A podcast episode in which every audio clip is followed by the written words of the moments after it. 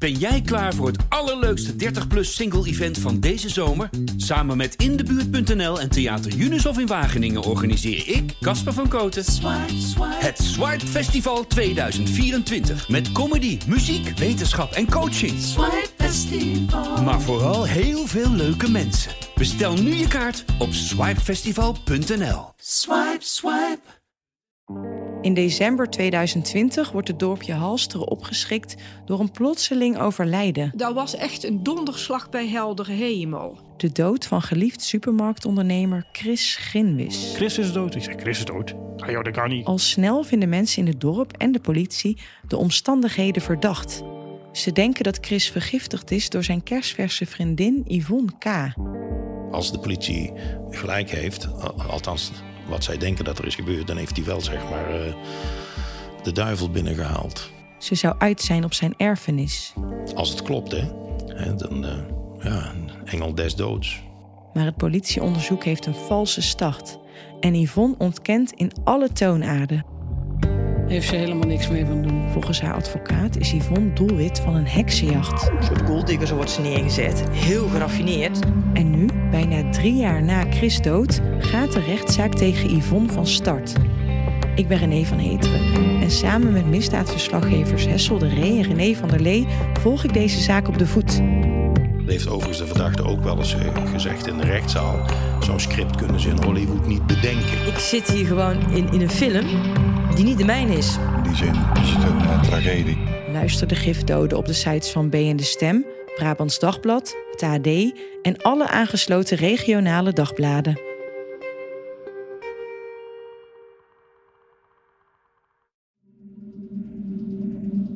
omdat wij sterke aanwijzingen zien voor een strafbare vorm van corruptie. Het OM acht het van groot maatschappelijk belang dat hier door de rechtspraak grenzen worden aangebracht. O.O. de Mos. Kritiek op de integriteit binnen zijn partij klinkt er al jaren. Maar hoe kan het dan dat de andere wethouders, de gemeenteraad en de burgemeester niet wat beter hebben opgelet? Hoe konden zij dit zo laten gebeuren? Corruptie. En twee weken later kom je met 11 miljoen. Dat is niet oké. Ik vind het schandalig. En een ander woord heb ik er echt niet voor. Jullie hebben niet half geweten wat voor kleren zo het op het stadhuis was. Edwin Jansen, die vond ik een klootzak. Daar hadden we wel wat vraagtekens bij. Of dat wel helemaal zuivere koffie was. Het neemt de corrupte kant natuurlijk niet weg. Helemaal kapot gemaakt door deze verdenking en deze zaak. Vul jij het weer in, en het, het is toch nu een beetje een AD-tribunaal antwoorden. Dat vind ik wel vervelend, maar mag ik dan ook gezegd hebben. Over dat AD-tribunaal hoor je straks meer. Eerst wil ik dieper duiken in de vrije jongens van het vastgoed die de mos omringen. Want in die klankbordgroep hè, van meedenkers en sparringpartners zitten ook projectontwikkelaars, zoals Michel Zaathoff en Edwin Jansen. Jansen zou je kunnen kennen als voormalig artiestenmanager. Hij begeleidde Anouk, de Haagse zangeres. Hij begeleidde Direct, de band uit Den Haag. Hij was ook jurylid van Idols. En zijn compagnon Michel Zaathoff is meer op de achtergrond. Net als partijsponsor Dennis Buis, ook pandjesbaas, vastgoedondernemer. Maar grote donateur in stilte stort hij ruim 50.000 euro in de partijkas van de Mos. Een megabedrag voor een lokale partij. Deze mannen willen allemaal niet meewerken aan deze podcast, zo vertellen hun advocaten als ik erom vraag. Ze claimen, net als alle andere verdachten, onschuldig te zijn, maar dat gaan we in aflevering 6 verder horen als we de strafzaak volgen.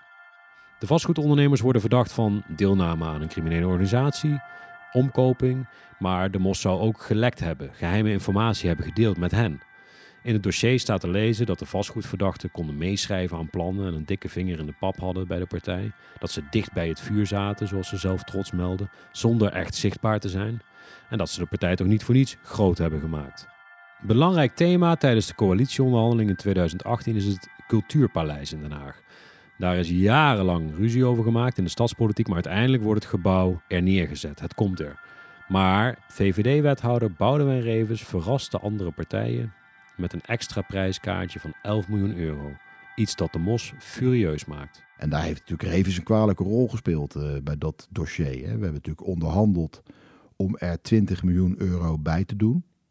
En de handtekening van het coalitieakkoord was nog niet droog Of hij komt twee weken later van ja, ik heb nog 11 miljoen nodig. Ja, daar is geen eerlijk spelletje gespeeld. Ik was boos, ik was laaiend op, uh, op Revis. Van joh, wat vlieg jij me nou? We hebben wekenlang onderhandeld. En twee weken later kom je met 11 miljoen. Ja, dat is niet oké. Dat is één. Nou, dat is geen criminele organisatie. Het tweede bij vastgoed is dat die, een van die vastgoedondernemers heeft gezegd... er worden nauwelijks woningen gebouwd. Als je nou de erfpachtsuppletie, dat is uh, een bedrag wat uh, vastgoedproject of projectontwikkelaars betalen aan de gemeente voor de gemeentelijke grond. Als je die nou eens uh, ten voordele laat komen van de projectontwikkelaar, is een idee van Edwin Jansen geweest. Edwin Jansen zou je dus kunnen kennen als jurylid van Idols of als manager van Anouk, zoals ik al vertelde. Maar het OM verdenkt hem en compagnon Zaathof van omkoping, omdat ze een website en een tv-commercial betaald hebben voor Groep de Mos. Onzin noemt Jansen zelf die aantijging. Dat deed hij bij de inleidende rechtszitting in Rotterdam in oktober. Het is totale onzin dat ik volgens het OM met mijn criminele vriendjes een plan had gesmeed om Groep de Mos groot te laten worden om er daarna misbruik van te kunnen maken. Leuk bedacht voor een spannend misdaadroman, maar in dit geval complete onzin. Ik vind het schandalig. En een ander woord heb ik er echt niet voor. Het is me onderhand wel duidelijk geworden dat er helemaal niet aan waarheidsvinding wordt gedaan. Dat blijkt wel uit het feit dat het OM met veel tamtam op 1 oktober 2019 groots met deze zaak naar buiten is gekomen. Maar nu, na meer dan vier jaar onderzoek, is gebleken dat men geen bewijs heeft gevonden. Logisch ook, want er is ook niks te vinden. Er is namelijk niemand omgekocht. Maar hoe kwamen de Mos en Jansen dan op elkaars pad? Omdat ik Edwin Jansen in de media keihard had aangepakt. Zo heb ik Edwin Jansen leren kennen. Edwin Jansen, die eh, vond ik een klootzak, die in het Zeeheldenkwartier een parkeergarage wilde sluiten. En wie hing aan de telefoon? Ja, met die man, die, met die vreselijke projectontwikkelaar, Edwin Jansen. En je bent niet zo leuk voor mij geweest in de Telegraaf. Wil je mijn kant van het verhaal ook een keer horen?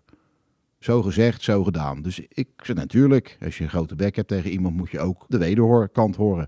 Ik was goed. En na vijf minuten denk ik, ja, toch een redelijke vent hoe je het vertelt. En na een half uur denk ik, nou, die man eh, heeft gewoon een goed verhaal, wordt zei ook het hier. En na een uur uh, ik zo'n flesje wijn opentrekken, want ik geloof wel dat wij elkaar wel liggen.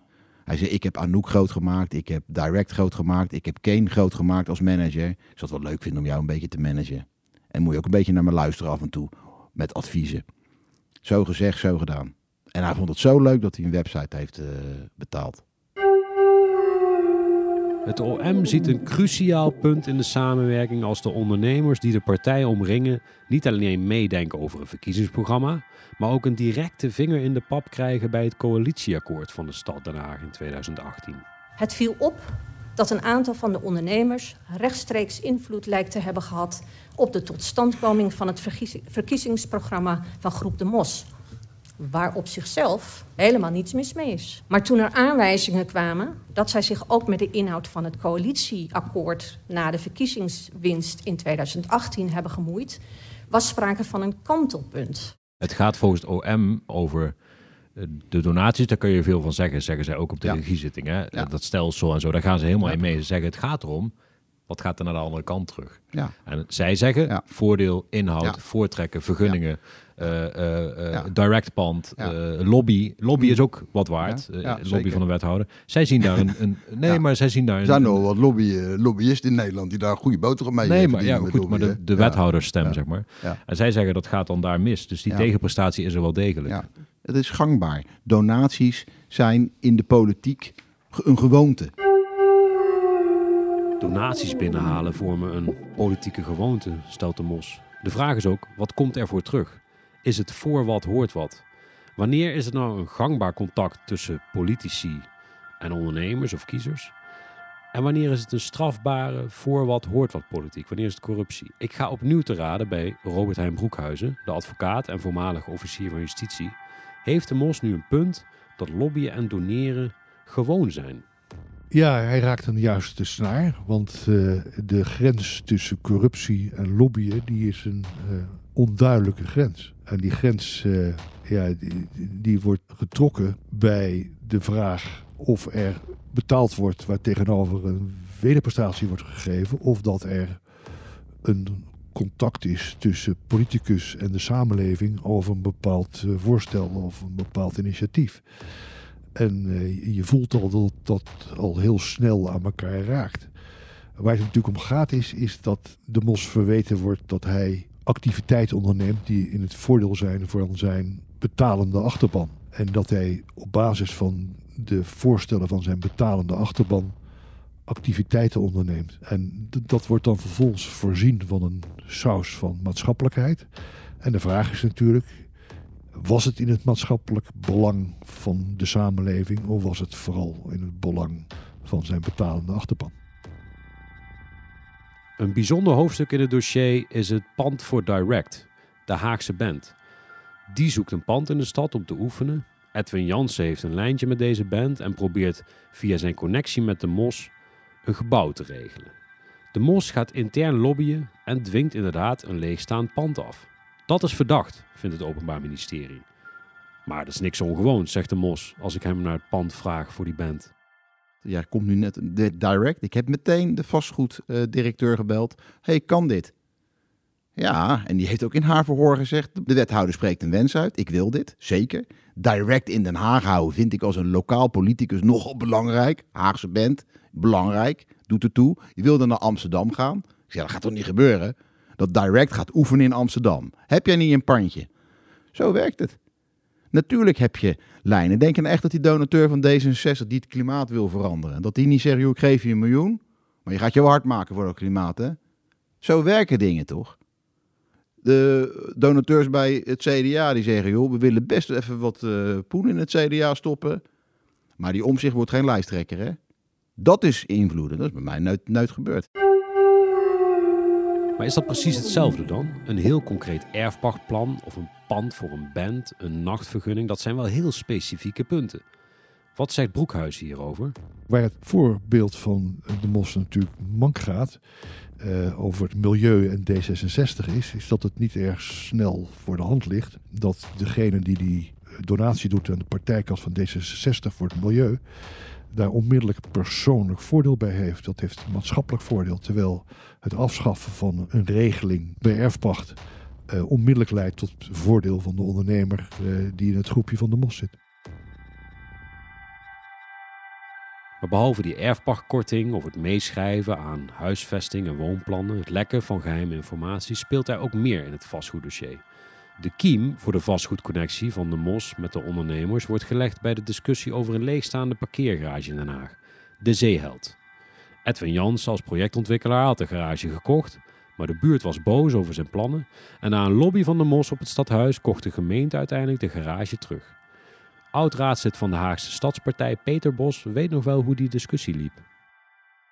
De Zeeheld, ja, heel ingewikkeld dossier. Edwin Jansen met uh, zijn bedrijf die had dat gekocht en die wilde daar woningen bouwen. Is heel veel gesteggel over geweest of die wel of niet de vergunning zou krijgen. Toen de MOS wethouder werd, is er eigenlijk gekeken om, eh, voor een andere oplossing.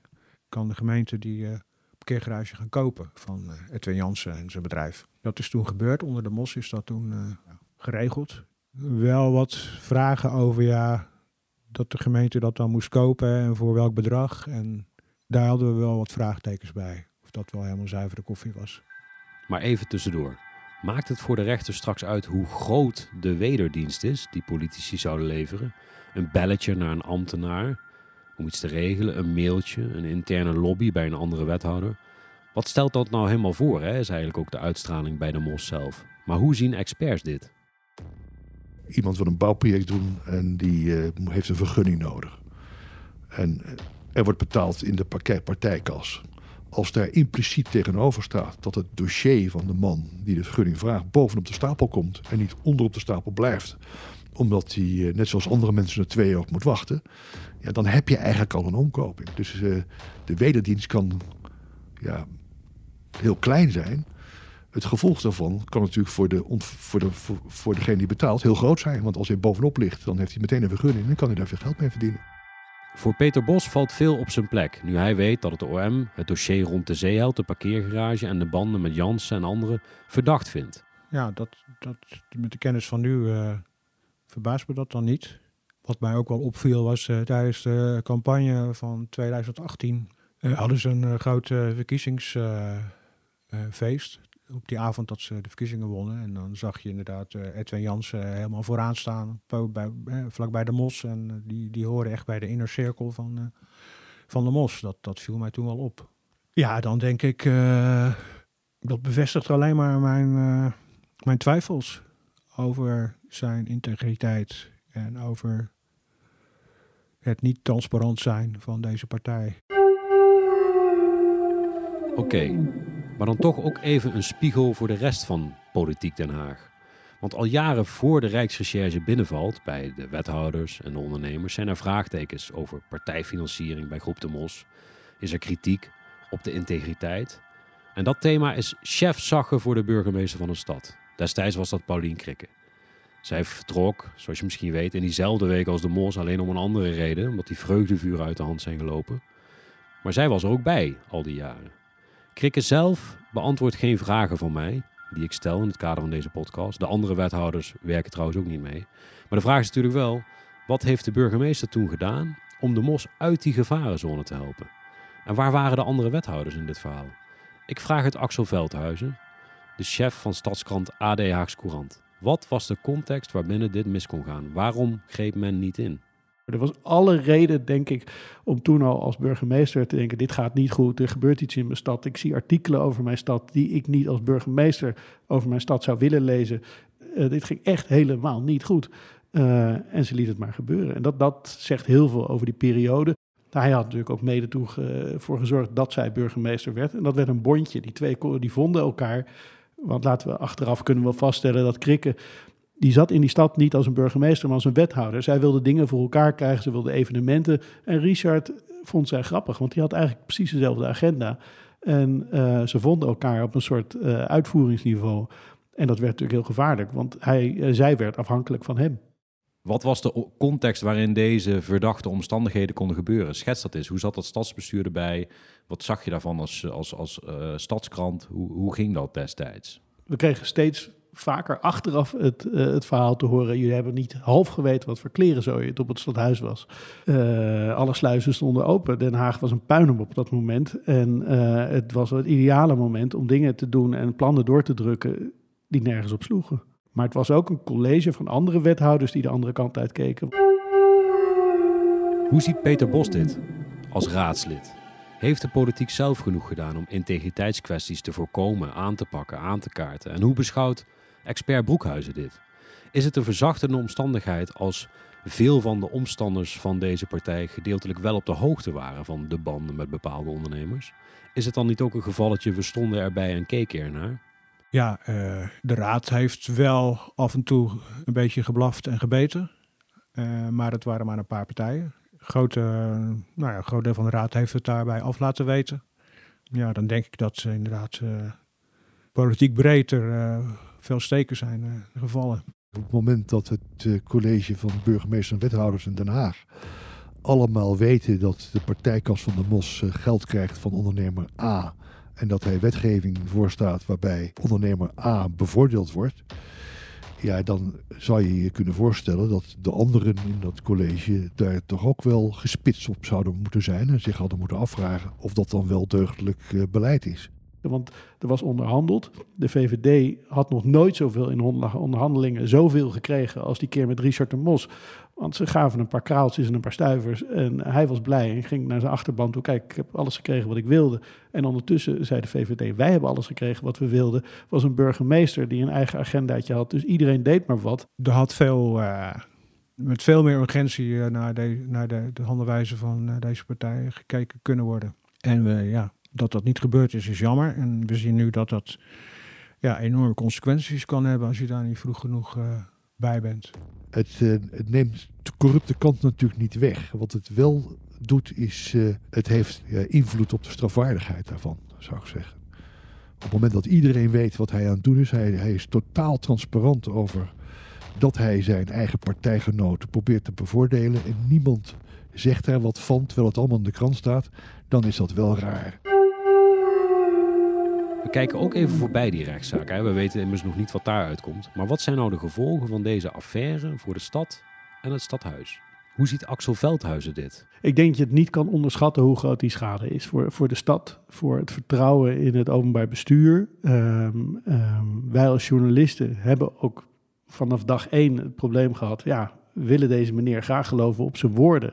En hij ontkent alles Terwijl we al jaren geschreven hebben over dingen waarvan een kind kan zien van ja, zo, zo, moet je, zo doe je geen zaken. Je geeft geen kortingen bij clubs die jouw partij steunen. En, uh, uh, dus wij, wij hadden er een heel matig gevoel over hoe die het deed. Uh, dus om daar objectief in te blijven, wat we echt willen. En ook iemand een voordeel van de twijfel te gunnen, te blijven gunnen. Terwijl er heel veel voortekenen zijn. Ja, het is heel lastig. Ik denk dat Den Haag op lange termijn uh, hier nog echt mee, mee in het reinen moet komen. Omdat wat er ook uit die rechtszaak komt, uh, een deel van de stad zegt, ja, voor mij blijft hij altijd schuldig. En een even groot deel van de stad zegt, ja, voor mij is hij altijd onschuldig. Hij is genaaid door de elite. En uh, dat blijft zo. Uh, ja, Den Haag was altijd een verdeelde stad en we hebben er gewoon weer een tweedeling bij gekregen. Even terug naar het OM. Hoe gingen de Mos, zijn wethouderscollega Rachid Gwenawi, dan te werk bij die bevoordeling van de vastgoed- en horecavrienden? De naam van Gwenawi hoorde je in deze podcast niet vaak trouwens. Maar hij was collega-wethouder van de Mos, secondant van de partij en hij is een van de drie verdachten in de partij. Naast de Mos zelf natuurlijk en het raadslid Nino Davituliani. Dat gepland zou zijn door de broers van het Salencentrum. Maar hoe gingen deze politici en die ondernemers dan samen te werk? Hoe werkte deze criminele organisatie volgens het OM? Het beeld dat wij zien in het dossier is dat vervolgens, en dat is natuurlijk waar het allemaal om draait, de verdachten De Mos en uh, na hun installatie als wethouder, de burgemeester, een aantal andere wethouders, Haagse gemeenteambtenaren en andere partijen onder druk hebben gezet om de doelen van de leden van het netwerk te halen. Zij maakten daarbij op slinkse wijze gebruik van het feit dat andere partijen in de coalitie niet zonder hun steun zouden kunnen. Veel van de kritiek van de tegenstanders en het OM gaat dus over die innige inhoudelijke verstrengeling tussen de partij en de ondernemers, de donateurs. En uit het dossier blijkt ook dat zij soms letterlijk meeschreven aan plannen, plannen indienden bij de partij die ook in het coalitieakkoord terechtkwamen. En feitelijk kwamen ze zo in de bestuurlijke cockpit terecht van de derde stad van het land. Maar hoe ziet de Mos zelf dit belangenrisico? Liet hij ze niet veel te dichtbij komen? Misschien is het ook wel een nieuwe bestuurscultuur dat je je kennis en, en kunde ophaalt uh, bij de mensen die er verstand van hebben. En dat het ook goed in, in een beleidstuk komt. En dan ga je toch niet zeggen, nou dat gaan we de ambtenaren laten doen. Daarom gaat er zoveel mis in deze stad. De kennis moet je halen daar waar de kennis zit. Dus dat je meedenkt over een plan waar wij heel erg voor aan de lat stonden. Dus de hele vastgoedsector in Den Haag zat daar op te wachten. Eh, niet alleen de donateurs van uh, Richard de Mos. Om huizen te bouwen. Het was nogal belangrijk om dat goed in de grondbrief mee te nemen. Want alleen dan zouden de sociale woningen makkelijker gebouwd kunnen worden. En dat werd ook uh, gedaan. Maar dan laat je toch je oren heel erg hangen naar deze mensen. Ja, vul jij het weer in? Nee, het, maar het, het is toch nu een beetje een AD-tribunaal antwoorden. Dat vind ik wel vervelend. Maar mag ik dan ook gezegd hebben. Uh, wij vinden dat niet. Wij vinden daar waar specialistische kennis zit, dat je die ophaalt. Nogmaals, voor generiek beleid vinden wij een pre. Het is juist een must dat meer partijen dat zouden doen om goed beleid voor de stad te maken. Dat, dat mensen meedenken over verkiezingsprogramma's volgens mij uh, helemaal niet verkeerd. Hè? Dat is het verkiezingsprogramma. De man is lid van onze partij ook. Tenzij het elke keer dezelfde mensen zijn die. Ja, maar dat, is dus, dat zeg ik je dus net. Wij hebben het breed gedragen gedaan. Breed gedragen naar heel veel mensen gestuurd. En zo hebben wij ons verkiezingsprogramma. En daar wordt het ook altijd een heel boekwerk. Omdat heel veel mensen gelukkig heel veel input leveren. Is het alleen luisteren naar zinnige plannen of je oren laten hangen naar donateurs? De Mos verdedigt zijn aanpak ronduit. Donateurs, meedenkers, iedereen met een goed plan wordt gewoon betrokken bij zijn partij, zo horen we de Mos zeggen. Zo werkt het nu eenmaal. Nou ja, dat is denk ik de mening van de Mos, dat dat zo werkt. Kijk, wat het probleem erin is, is dat de partij van meneer de Mos geld krijgt van deze mannen. En dat meneer de Mos kennelijk met deze mannen besproken heeft wat er dan zou moeten gebeuren binnen die partij. En dat hij vervolgens datgene wat zijn donateurs vinden dan dat er moet gebeuren, ook politiek doordrijft. En dan zit je heel dicht bij corruptie, want dan wordt er betaald en daar tegenover wordt er geleverd. Um, uh, en het werkt zo in de politiek. Ja, ik zou dat heel slecht vinden als het zo zou werken in de politiek. Want dat zou dan betekenen dat degene met de grootste portemonnee bij de wethouder of de minister het meest voor elkaar zouden krijgen. En uh, zo zijn we natuurlijk niet met elkaar getrouwd. Het Openbaar Ministerie heeft besloten te dagvaarden omdat wij sterke aanwijzingen zien voor een strafbare vorm van corruptie. Er zijn aanwijzingen dat men behoorlijk planmatig te werk is gegaan Het oogmerk van het netwerk leek te zijn gericht op het bevoordelen van een selecte groep ondernemers. Precies die ondernemers die groep De Mos met hun sponsorgelden groot hadden gemaakt. Richard de Mos moet er niks van weten. Plannen haalt hij overal op. Maakt niet uit van wie, maakt niet uit waar, maakt niet uit hoe.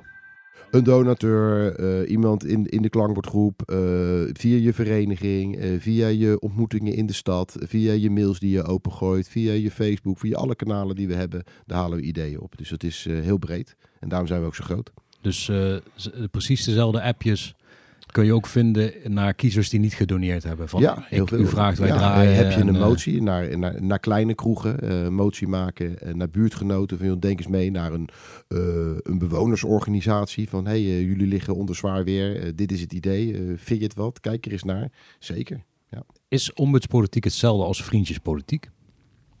Nee. Ombudspolitiek is, is wel uh, een politiek waarbij de klant koning is.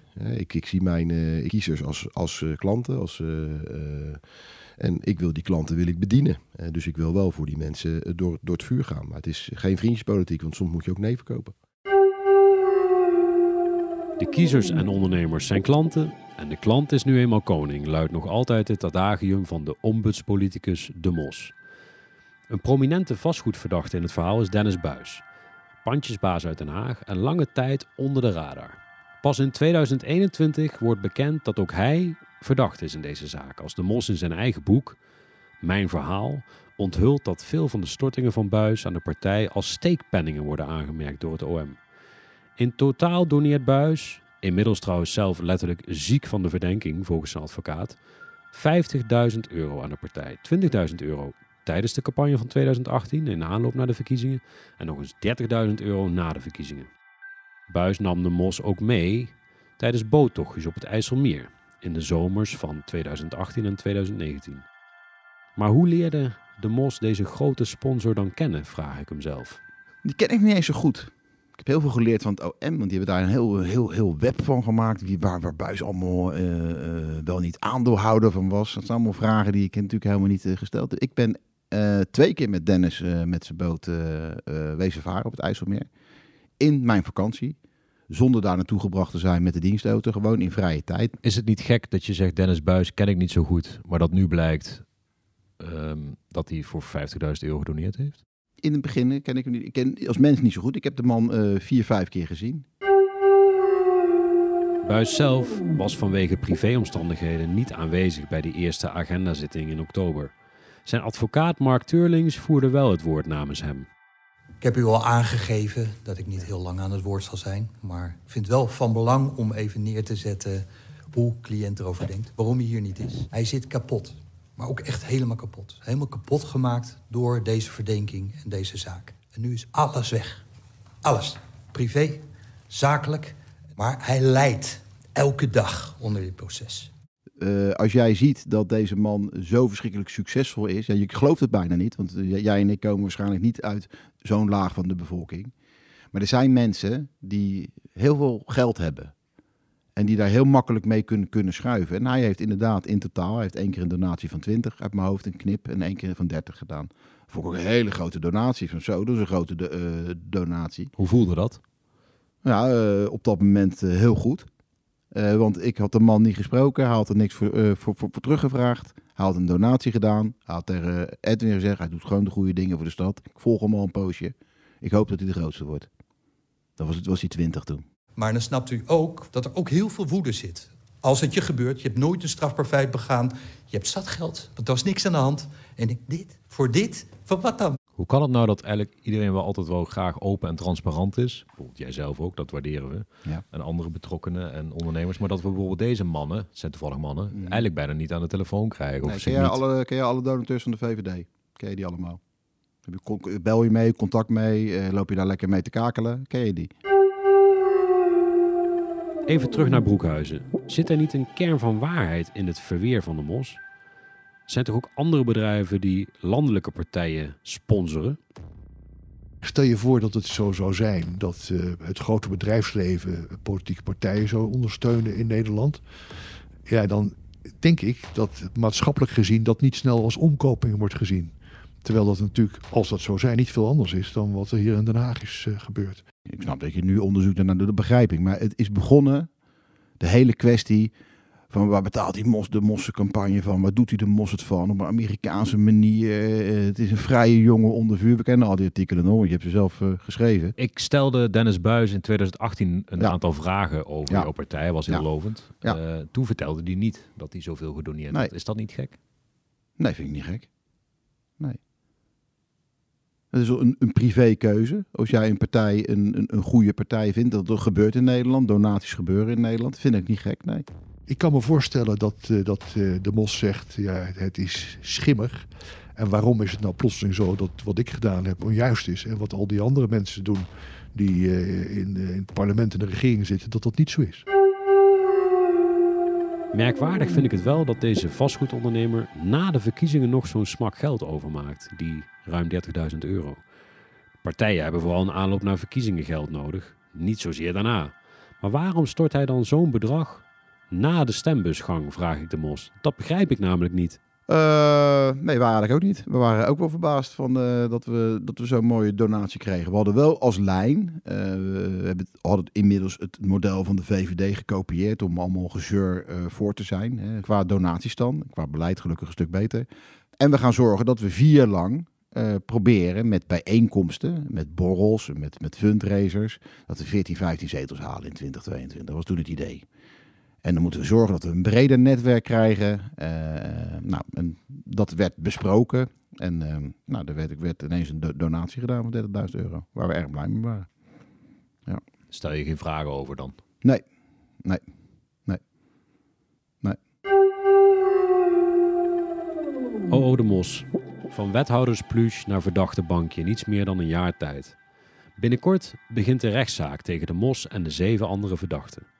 Hoe die verder gaat kun je horen in onze zesde aflevering. Die verschijnt richting het einde van de inhoudelijke behandeling van de zaak.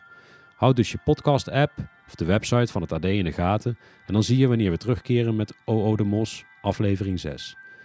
In de tussentijd kun je het nieuws over de rechtszaak natuurlijk volgen in onze kranten, de website van het AD of een van de andere nieuwssites van de regionale dagbladen.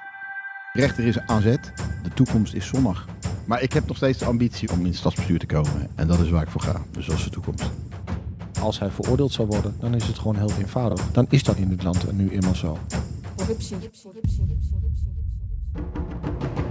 Ik denk dat hij uh, straks in januari uh, dat het met, de, met, een, uh, met een 6 afloopt. Dan moeten de anderen toch ook eens goed in de spiegel kijken.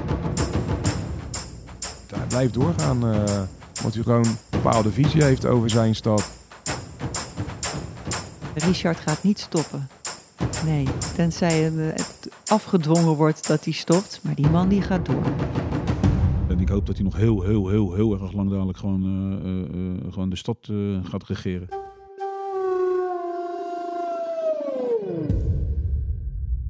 En ja, ik vind dat ze een keer gewoon uh, Richard de Mos en uh, Kanoui van een kleine gemeente gewoon een burgemeestertje van moeten maken. Wil je meer weten over de Mos en de Haagse corruptieaffaire? Kijk even in de show notes voor achtergrondartikelen. Dit is een podcast van AD Haagse Courant, het AD en de aangesloten regionale dagbladen. Ik ben Niels Klaassen. Montage, muziek en sounddesign is verzorgd door Tjeerd Mouthaan van Audio Maestro. Eindredactie Robin Rotman. Met dank aan Kevin Goes.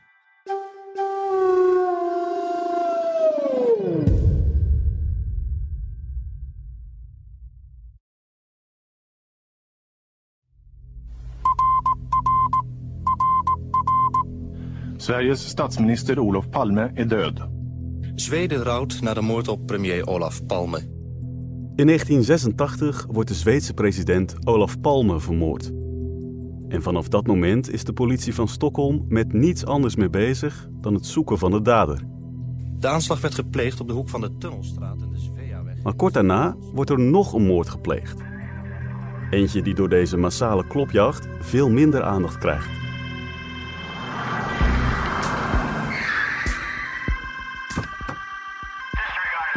Het is een moord in huiselijke kring, ergens in een buitenwijk van Stockholm.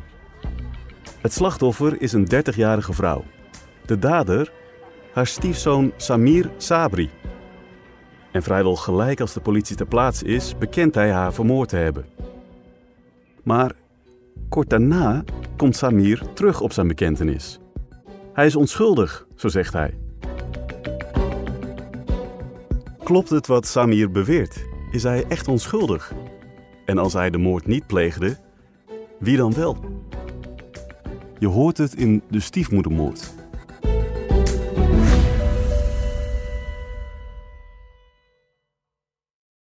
Ben jij klaar voor het allerleukste 30-plus single-event van deze zomer? Samen met Indebuurt.nl en Theater Junushof in Wageningen organiseer ik, Casper van Koten, het Swipe Festival 2024. Met comedy, muziek, wetenschap en coaching. Swipe Festival. Maar vooral heel veel leuke mensen. Bestel nu je kaart op swipefestival.nl. Swipe, swipe.